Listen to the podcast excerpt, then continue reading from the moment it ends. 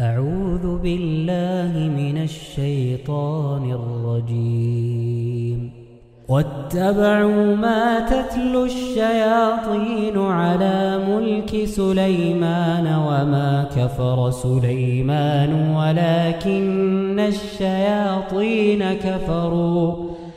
يعلمون الناس السحر وما أنزل على الملكين ببابل هاروت وماروت وما يعلمان من أحد حتى يقولا إنما نحن فتنة فلا تكفر فيتعلمون منهما ما يفرقون به بين المرء وزوجه وما هم بضارين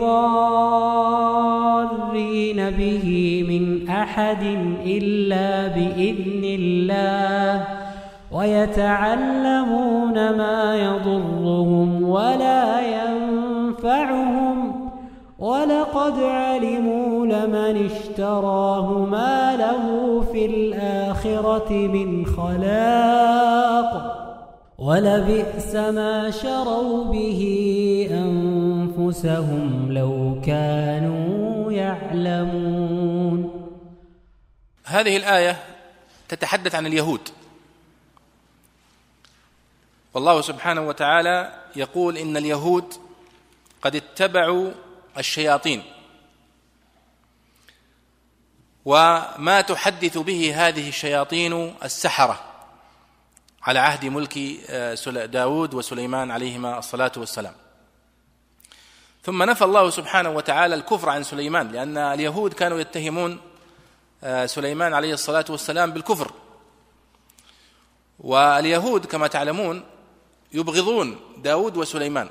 ولذلك تجدون الروايات الإسرائيلية الباطلة الشنيعة في حق داود وفي حق سليمان عليهما الصلاة والسلام. ويرون أنهما كانا ملكين ولم يكونا نبيين. ونحن نرى ونعتقد أنهما كانا نبيين ملك ملكين عليهما الصلاة والسلام. فالله سبحانه وتعالى نفى وقال وما كفر سليمان. ولكن الشياطين كفروا. فحكم عليهم بالكفر لماذا قال يعلمون الناس السحر؟ ولذلك نحن نستنبط أيها الإخوة أن تعليم السحر كفر وهذا أبرز حكم في هذه الآية. فنقول تعلم السحر كفر. نقطة. وظاهره عدم الفرق بين المعتقد لحله والمعتقد لحرمته. يعني بعضهم يقول أنا أريد أن أتعلم السحر حتى أفك عن المسحورين. نقول هذا كفر ولا يجوز. والإسلام قد شدد في هذا الموضوع تشديدا قويا. والنبي صلى الله عليه وسلم قال من أتى كاهنا أو عرافا فصدقه فقد كفر بما أنزل على محمد. فهذه المسألة ليس فيها نقاش والأدلة عليها واضحة. ولا ينبغي التساهل وأيضا من فوائد هذه الآية ومن الأحكام التي اشتملت عليها أن السحر له تأثير في المسحور. لكنه بتقدير الله سبحانه وتعالى. قد يكون تأثيره قويا قد يكون تأثيره خفيفا لكن له تأثير. لأن هناك من أنكر وقال السحر هو مجرد تخيلات وليس له حقيقة وليس له تأثير. ويستدلون بقول بقوله تعالى في قصة موسى يخيل إليه من سحر من سحرهم أنها أنها تسعى. فقال يخيل. ولذلك يقول حافظ الحكم في المنظومة التي ينبغي أن تحفظ والسحر حق وله تأثير لكن بما قدره القدير. وحله بالشرع أو بالوحي حقا يشرع لكنه أما بسحر مثله فيمنع. فلذلك نقول يعني السحر له تأثير وله حقيقة كما دلت عليه هذه الآية التي في سورة البقرة. لأن الله سبحانه وتعالى قال يفرقون فيتعلمون منهما ما يفرقون به بين المرء وزوجه. وهذا تأثير مباشر.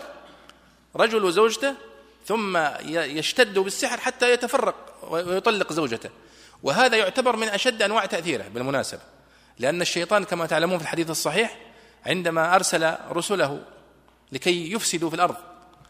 فلما جاءه أحدهم قال لما زلت بصاحبي حتى قتل صاحبي قال ما صنعت شيئا. يعني هذه حاجة بسيطة.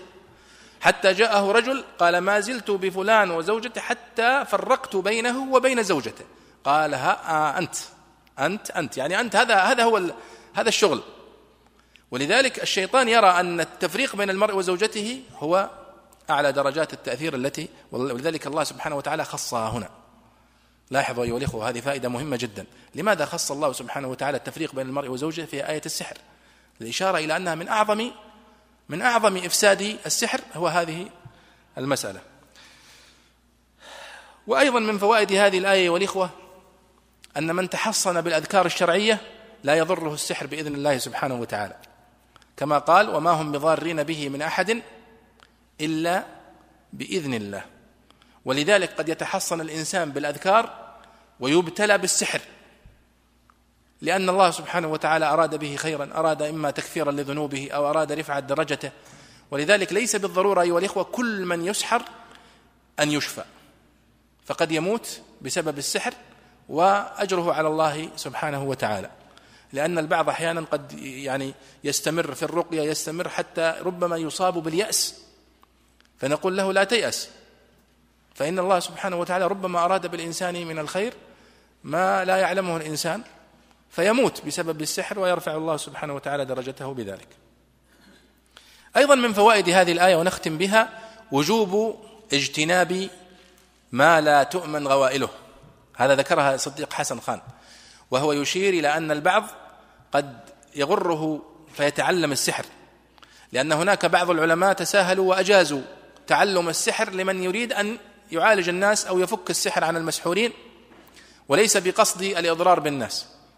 ثم إذا دخل فيه وقع في الكفر والعياذ بالله والشيطان كما سماه الله سبحانه وتعالى في سورة البقرة قال يا أيها الذين آمنوا لا تتبعوا خطوات الشيطان. الشيطان ذكي جدا. ما يأخذك من أولها؟ لا يأخذك خطوة خطوة. يعني تعلم السحر حتى تفك عن هؤلاء المساكين احتسب الأجر آه، ضحي من أجل الآخرين كن كالشمعة تحترق من أجل الآخرين فإذا دخل جره معه إلى الكفر والعياذ بالله.